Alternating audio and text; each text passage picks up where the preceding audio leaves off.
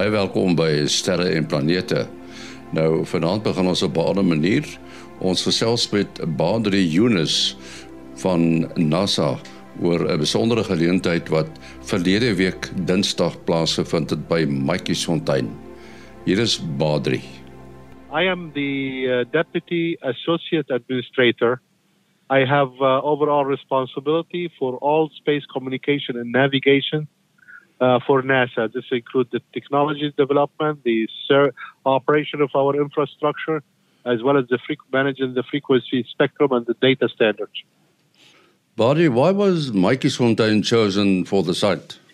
NASA, in uh, determining the best location uh, for its uh, future sites for uh, its ground station to support the Artemis program and the lunar activities in and around the moon, we've commissioned um, a study, a joint study between our NASA engineers and the SANSA engineers. They are super duper uh, capable, you know, uh, microwave engineers. They looked at the terrain, they looked at the availability of power, the avail- availability of the worldwide uh, net, and the, you know, the fiber cable nearby, water, and uh, the close proximity to you know to to cities because we worry about interference coming uh, from uh, you know the commercial usage of the spectrum. So they determined this is the best location. The you know the place is pristine, far away kind of from civilization, and uh, you know at a certain elevation that provide us a very healthy channel for Ka band communication as well as future uh, laser communications. Is is this part of the deep space network?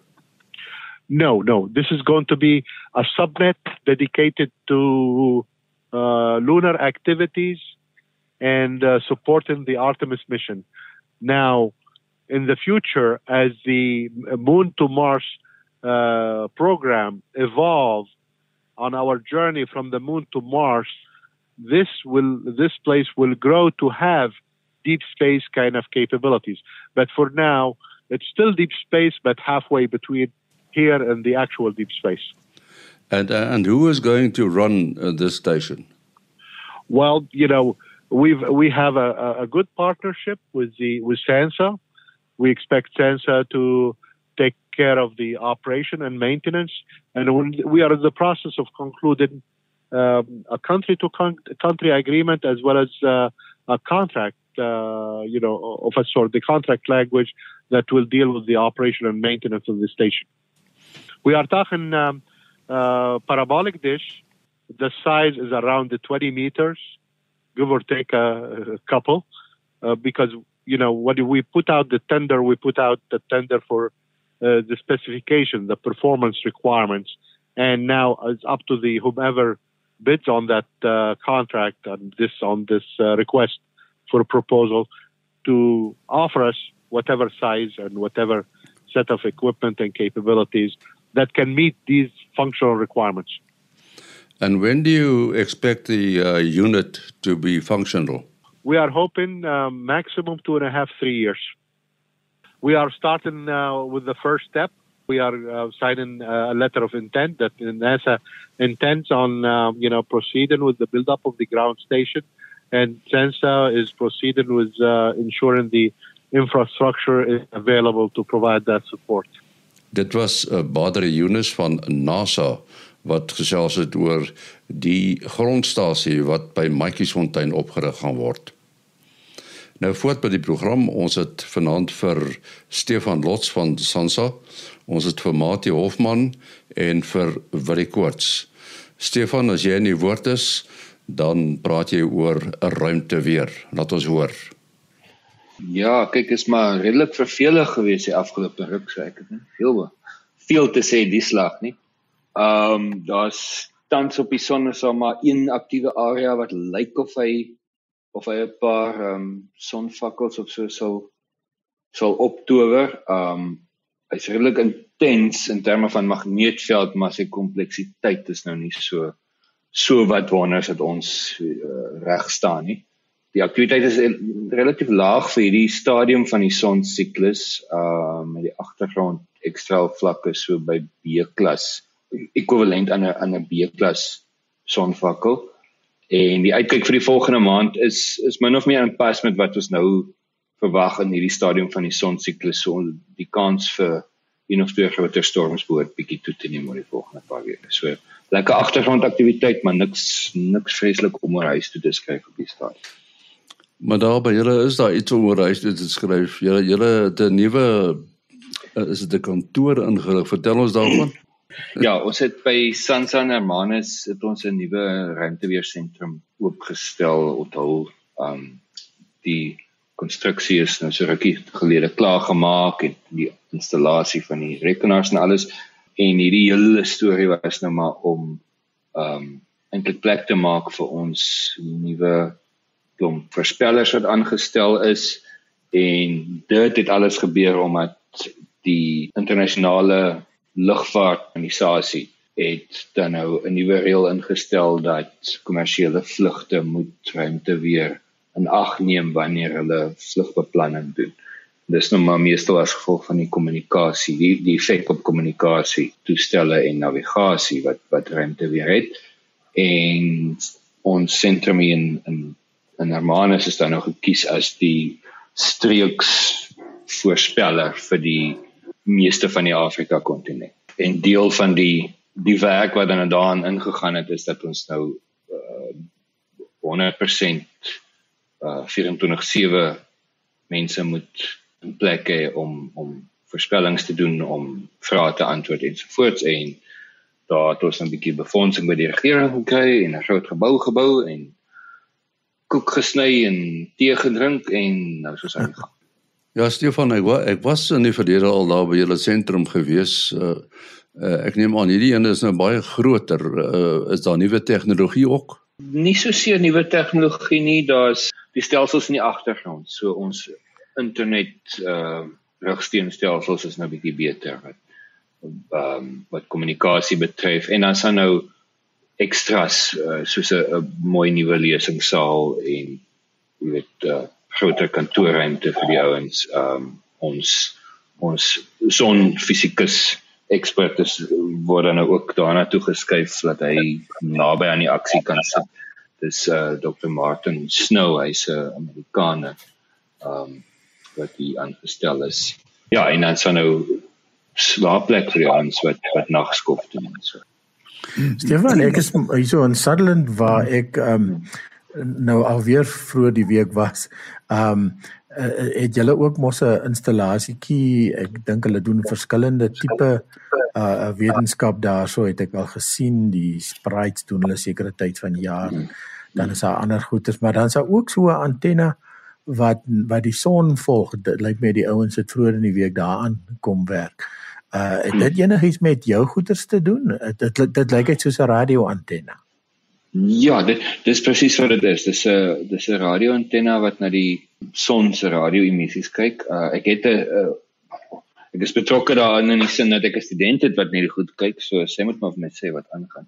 Dit is deel van wat hulle noem die Ecalisto netwerk. So daar's 'n klomp van hierdie antennes die wêreld vol en hulle kyk nou na radio-emissies en dit is nogal bruikbaar om sonvakkels en massa-uitbarstings in daai spektrum waar te neem want mens mens kan effens meer meer sien of minstens in 'n uit 'n ander oogpunt kyk na hierdie goed. Um en dit help ons dan nou ook om 'n bietjie meer onafhanklik te wees. Stefan, jy het nou die dokter Snou wat 'n spesialis is daar by julle.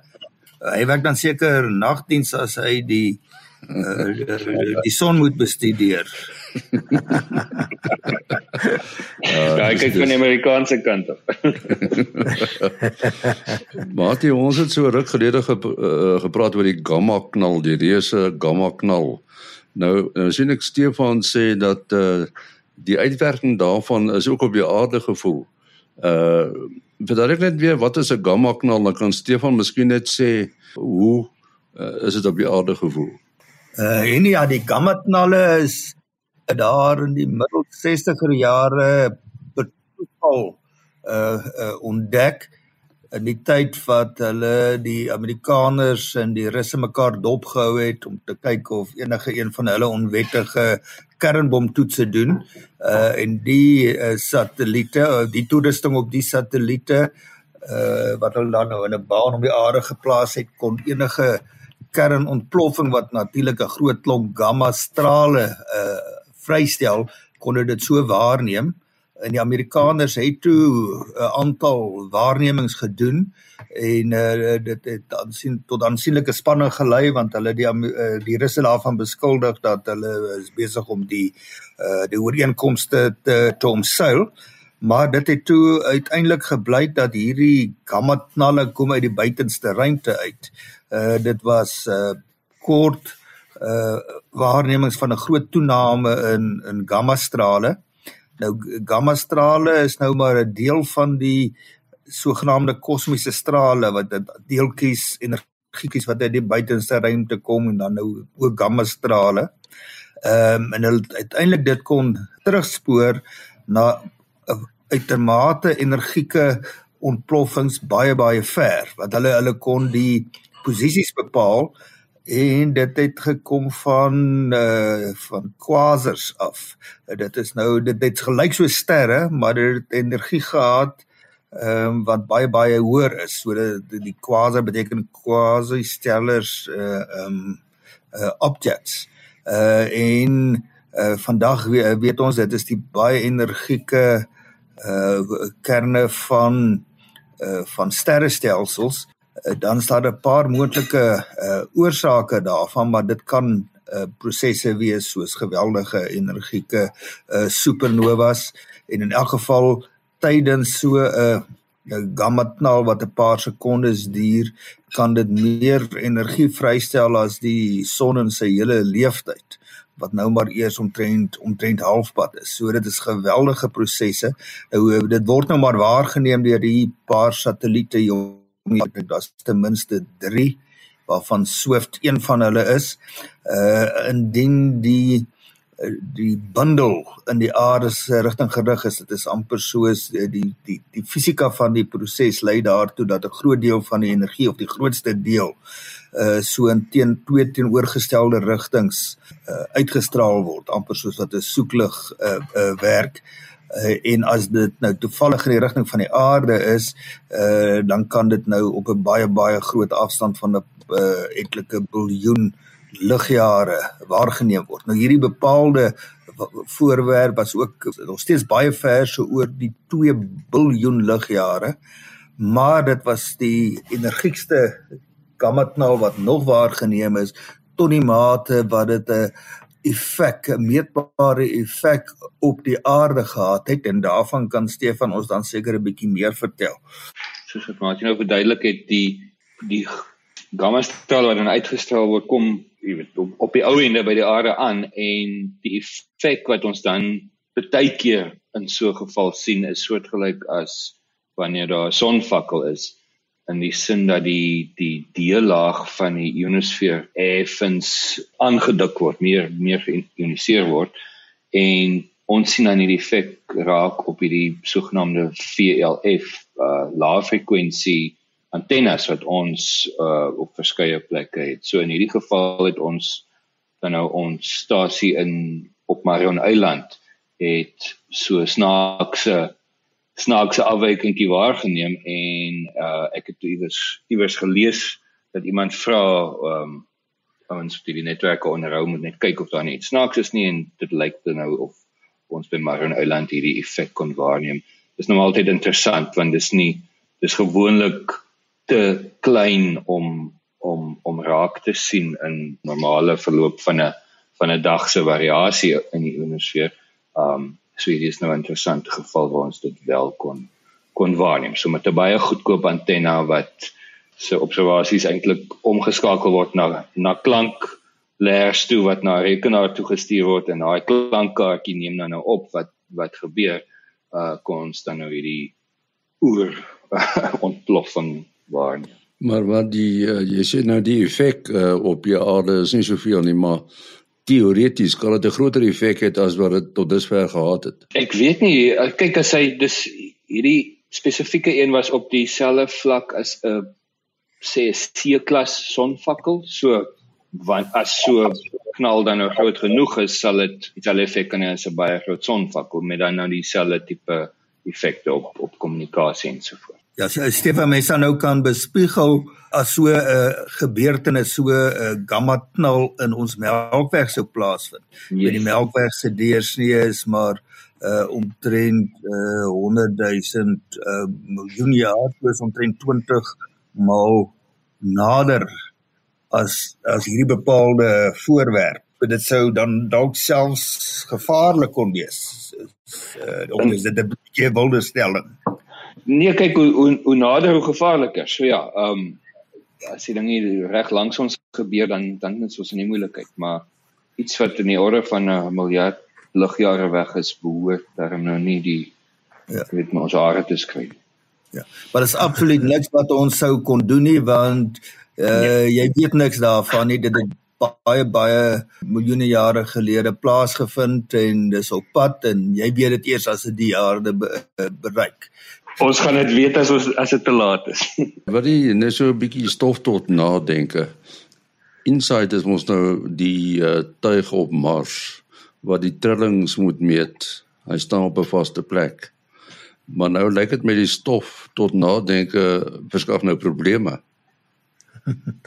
Ja, beslis die uh, uh, mense sal nog onthou uit uit uh, Dr. Japie se tyd uit uh toe het hy al geland en um uh die seismometer uh ontplooi en toe hy krag laat die rondry soos die ander karretjies net op een plek bly staan en dan 'n uh, hele klompie uh metings gemeet mars weer uh, waargeneem.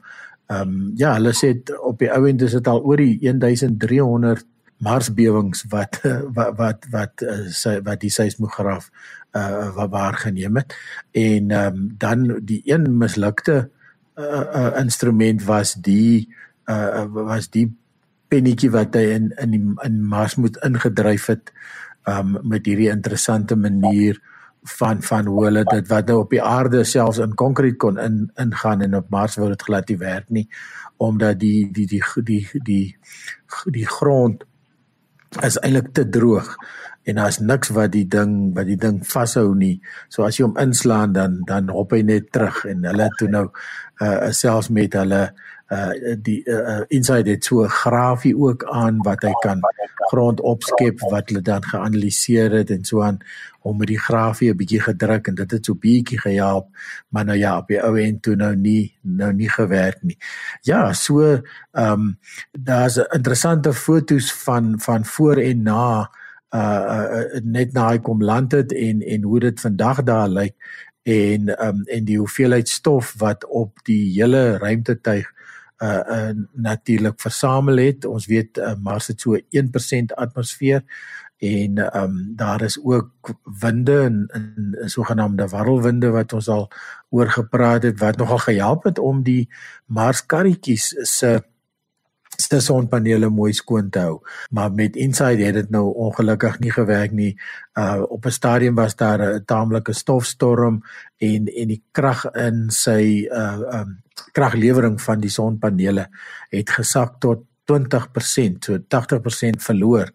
Uh, uh en hulle moes van die instrumente afskakel insluitende die die seismograaf uh om om dan uh, krag te spaar. Uh die die is intussen uh, weer aangeskakel. Ja, en hulle kon selfs uh um impakte van uh meteoriete op um op op Mars uh uh kon kon hulle waarneem met met hierdie uh met hierdie seismometer. Ja, so uh, baie baie uh, uh, goeie klomp werk wat die sending sover gedoen het. Uh is eintlik 'n klein klein span. Hulle praat hier van iets soos 20 mense teenoor uh, wat van al van die groter uh, sendings beheer. Maar daar is nou uh planne om dit binne die volgende paar weke hulle hulle vermoed die kraglewering van die sonpanele gaan dan gaan dan so wees dat hulle eintlik glad nie enige enige werk meer kan doen nie. So uit die hart van die saak moet hulle nou seker maak hulle het al die data afgelaai en en uh seker maak die die uh die, die maksimum uh wetenskaplike wins word nou nog vir oulaas uit die uit die projek uitgekry.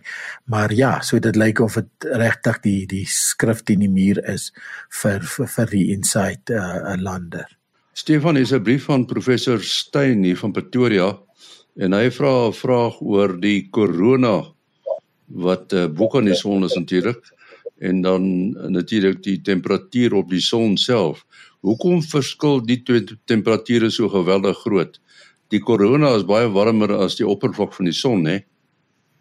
Ja, dit is eintlik 'n bietjie teenstrydig. Mens sou mos nou verwag as jy na aan die braaivleisvuur staan, kry jy lekker warm en so so soos jy terugtree dan, dan ja, dan gaan die temperatuur val en die effek is nou nie eintlik is eintlik die teenoorgestelde naby die son minstens. Um so die die oppervlak van die son is hier by die orde van 6000 grade. Die korona, so die son se um se atmosfeer uh, is dan oor 'n miljoen, 2 miljoen omtrent Kelvin. Ehm um, nou is die vraag wat gaan aan? Hoekom werk dit verkeerd? Hoekom is die korona soveel warmer as die oppervlak en watter meganisme minstens sover ons die fisika kan verstaan sal so iets dan nou kan kan verduidelik. Ehm um, want ons weet tog die son se se te kom van binne af, né? So daar's tans twee kandidate om hierdie ek dink vir ding te verduidelik. So prof Stein se vraag was nou eintlik maar net wat, wat is die stadie aanvaarde teorie? Ehm um, en ongelukkig het ek nog nie van 'n 100% uh korrekte antwoord of 'n 'n klinkklare antwoord nie. Daar is basies twee meganismes ehm um, wat ons dink bydra hier hierna toe. En dis nou nie 'n 'n kompetisie nie. Ons dink eintlik dat beide van hierdie twee werk terselfdertyd tot 'n minder of meer mate.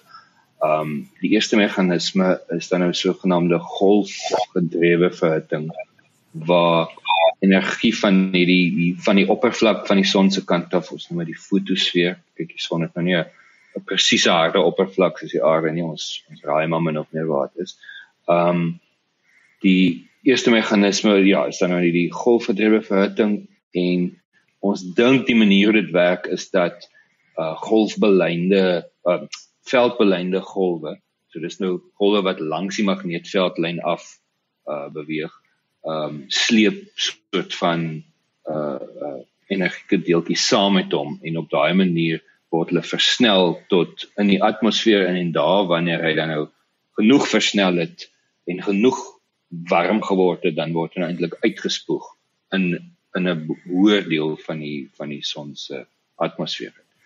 Uh so dis een meganisme, die tweede een wat nou nogal deesdae bietjie aftrek gekry het is die sogenaamde nanofakkel. So dis die die meganisme is eintlik dieselfde as 'n gewone sonvakkel. Ehm um, so wanneer twee veldlyne koppel en saamsmelt aan mekaar is daar hierdie ontsluiting van 'n klomp uh, elektromagnetiese energie reg oor daai uh skaal en uh hierdie meganisme is dan nou die nanovakkels so dis net baie kleiner sonvakkels wat eintlik heel dikwels en amper die heeltyd uh gebeur op die baie naby aan die oppervlak van die son. En dan dan op daai manier word die die deeltjies baie baie verhit en dra dan nou so die energie oor na die na die res van die atmosfeer. Die interessante deel hiervan is dan is dat uh dit voorspel is deur Eugene Parker in die 70s al en hierdie effek is onlangs waargeneem deur die Solar Orbiter um en ou uh satelliete. Dis effens meer interessant as die as die golfbelynde verhitting en dan die, ook die ander ding wat wat die ons agtergekom het, daar's 'n snaakse effek dat dit die swaarder elemente is wat die wat die hitte oordrag verantwoordelik is vir die hitte oordrag eerder as die ligte en so dis eerder die die silikon as die waterstof en die helium wat die hitte oordra. En dis 'n hmm. interessante effek vir wetenskap. Stefan, wat is jou besonderhede? Uh mense kan my e-pos by slots@sansa.org.za, soos S L O T Z by sansa.org.za. Mati? Selfoonnommer 0836257154. 0836257154. En nou wat die is 0724579208. 0724579208. En die program se e-posadres is sterreplanete@gmail.com. sterreplanete@gmail.com. Volgende week is ons terug. Tot dan, alles van die beste.